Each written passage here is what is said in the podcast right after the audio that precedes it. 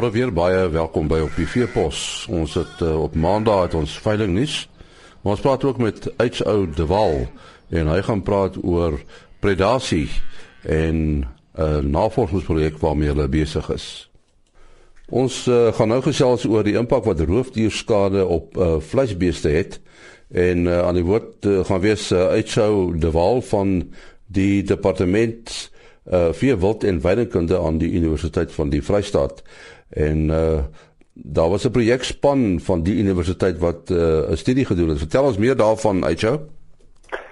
Uh enie dit is nou die tweede groot studie wat ons afhandel. Die eerste een het die eerste een het by skape en uh bokke geëindig. En ons is bewus al vir geruime tyd uh, dat die skade onder ons vee en ook ons wild redelik ongekwantifiseerd is. So as die eerste stap moet ons uitvind wat is die skade uh en dan daarvolgens verder beplan. En wat ons gedoen het, uh ons het die die uh praktiese ervaring gebruik van 'n vorige studie deur Walter van die Kerk en ons het 1500 boere geteken in Suid-Afrika opgedeel volgens die uh, bydra die proporsionele bydra van vleisbeeste in die provinsies.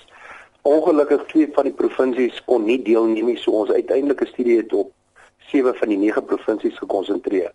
En wat ons in die telefoniese uh, opname gedoen het, uh, ons het Lekraak die uh, vier eienaars gebel en dan het ons gestruktureerde vraelys gevolg. Met ander woorde, ons het spesifieke vrae gevra en daarvolgens het ons dan nou die inligting bekom. Ek moet meld dat as ons sê in 7 van 9 provinsies kon ons net uh, respondente teiken of boere wat ons telefonies in die hande kon kry. En ongelukkig die opkomende boere uh, van hulle kon ons insluit as ons deur middel van die produsente organisasies hulle telefoonnommers kon bekom. Maar dit beteken dat hierdie studie waarskynlik nog 'n onderberaming is van die werklike skade in Suid-Afrika op die vleisbeeste.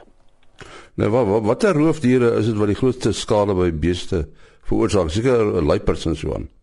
Nee, nee, nee, uh die teendeel, dit wissel baie tussen provinsies. Kom ek vir jou so stel. Die nommer 1 in Suid-Afrika by beeste is die rooi jakkals. En dan die rooi kat. Uh die twee noordelike provinsies uh Noordwes en Limpopo het heelwat uh uh luiperd predasie. Uh kom ek stel en dan is daar natuurlik honde ook, maar kom ek stel dit vir jou so, dit is wat ons waarskynlik uh nie heeltemal besef nie. Wanneer 'n vroulike dier, kom ons praat nou maar van 'n koei, wanneer sy in kalf gaan, gaan lê sy as sy toegelaat word om dit te doen, hè. En dan in daai 10, 15 minute wat sy die kalf uitdruk, is sy eintlik weerloos. En heelwat koeie word in daai situasie deur jakkalse getuister. Die vulva word uitgevlet en die die kalf word die ongebore kalf wat nog lewendig is word uitgesleep en uiteindelik met so 'n dier vernietig word.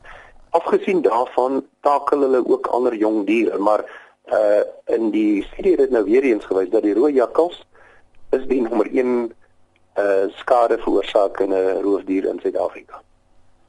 En en die die metodes wat ouens gebruik om predasie te te werk, help dit? Uh en eens en dit is waarskynlik 'n baie duidelike aanwysing dat die dat die gerugte wat pers verskyn is nie juis nie. Kom ek gee weer so. As ons nou net na die vleisbeeste kyk. In die sewe provinsies wat ons dan geteken het, gebruik die boere amper 9 of hulle spandeer amper 90 miljoen rand aan die sogenaamde nie dodelike metodes.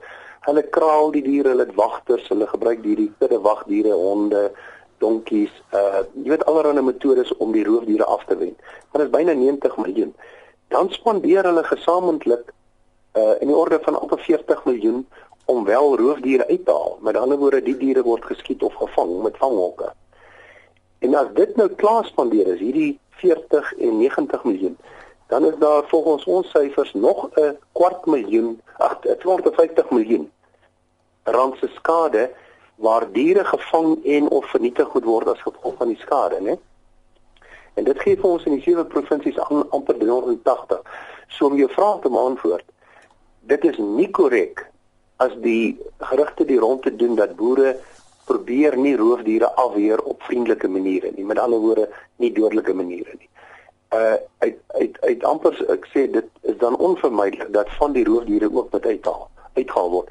Maar nou wil ek dit onderstreep.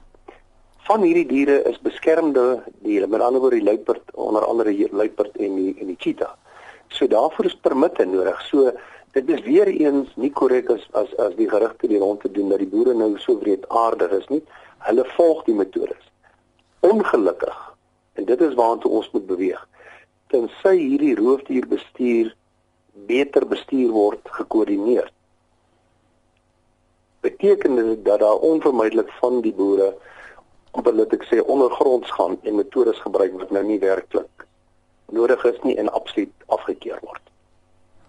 Uh goed, ek sê jy het nou hierdie studie gedoen. Uh die doel van die studie en, en wat moet nou gebeur? En nie, dit is die groot vraag. Kom ek gaan net terug. In Mei 1993 was hier by uh die Golden Gate uh in die in die in die, in die uh Wildpark. Uh het het die ou vorige vier provinsies saamgekom en besluit hoe hulle roofdierbestuur sou doen. Toe in 94 het ons in 9 provinsies verdeel. En ongelukkig het daardie staatsgedrewe proses gesneuwel. En ons dilemma wat ons nou vandag het, as ons kyk na wat die boere reeds doen, hulle gebruik nie nie dodelike metodes, hulle gebruik dodelike metodes.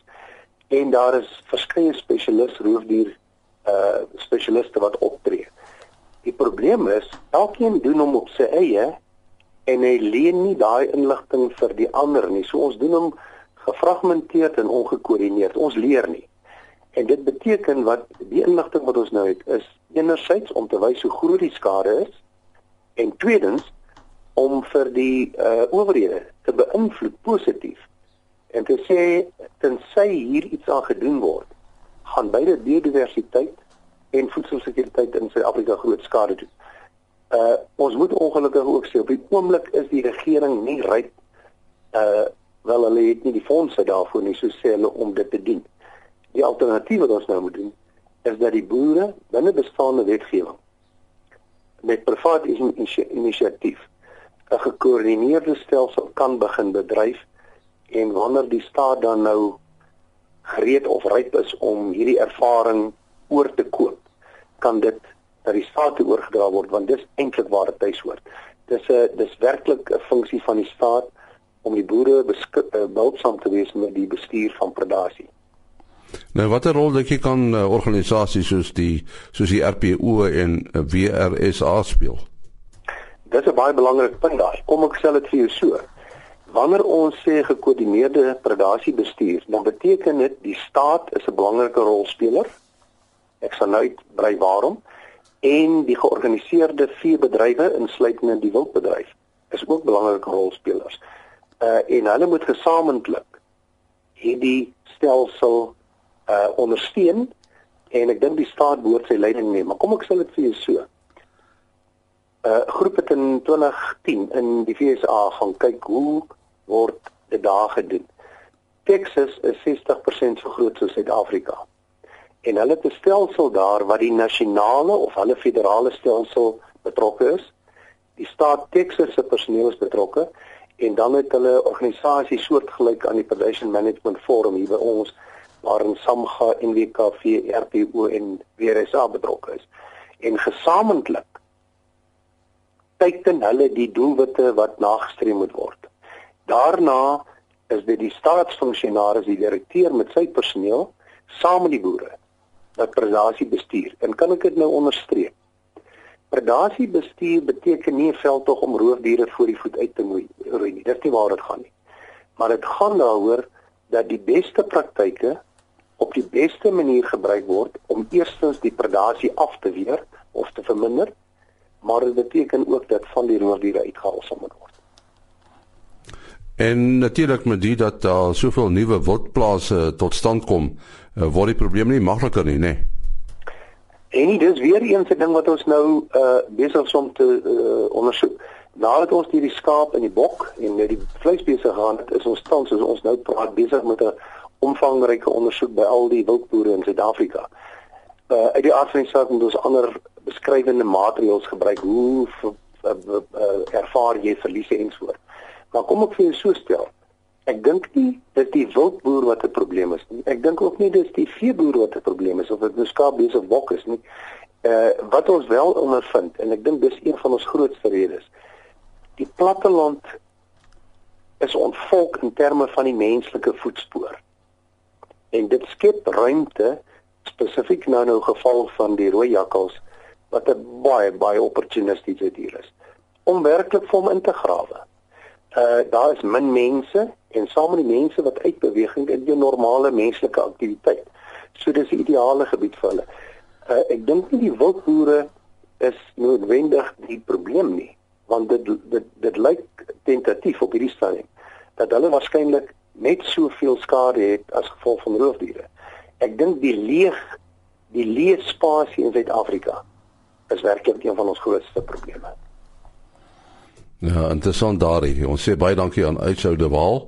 Hy is uh van die uh, departement vir wat in weidingkunde aan die Universiteit van die Vrystaat. En nou is dit tyd vir veiling nuus. Op 17 Junie vind Bristow Bonsmara se jaarlikse produksieveiling plaas by Bandelier Skop veilingskrale. 'n Aanbod van 30 geregistreerde bulle en 100 vroulike diere word aangebied. Vleis sentraal hanteer die veiling. Ook op die 17de Junie vind Niekerks Rust boerdery se veiling plaas te Viljoenskoon op die plaas Niekerks Rust. 208 SA vleismiddels word te koop aangebied deur Vleis sentraal. Op die 18de Junie vind die Maker Bradford se derde produksieveiling plaas op Draaihoek Plaas, Warden. 'n aanbod van 30 Bradford stoetbulle en 20 dragtige stoetverse word aangebied. Morepoort Ile de France se 9de produksieveiling vind plaas op 17 Junie by die Vryburg skougronde. Noord-Kaap Lewende Hawe bied die veiling aan. Bosch Valley Farms, tuiste van Top Genetica SA Vleisbenus, se 6de produksieveiling vind plaas op die plaas Bosfontein en dit vind plaas op die 18de Junie en word hanteer deur BKB van Wyk. Tot sover veilingnuus. 8085. En dit is dan al wat betref op die veepos. Tot môreoggend om 4:45 alles van die beste.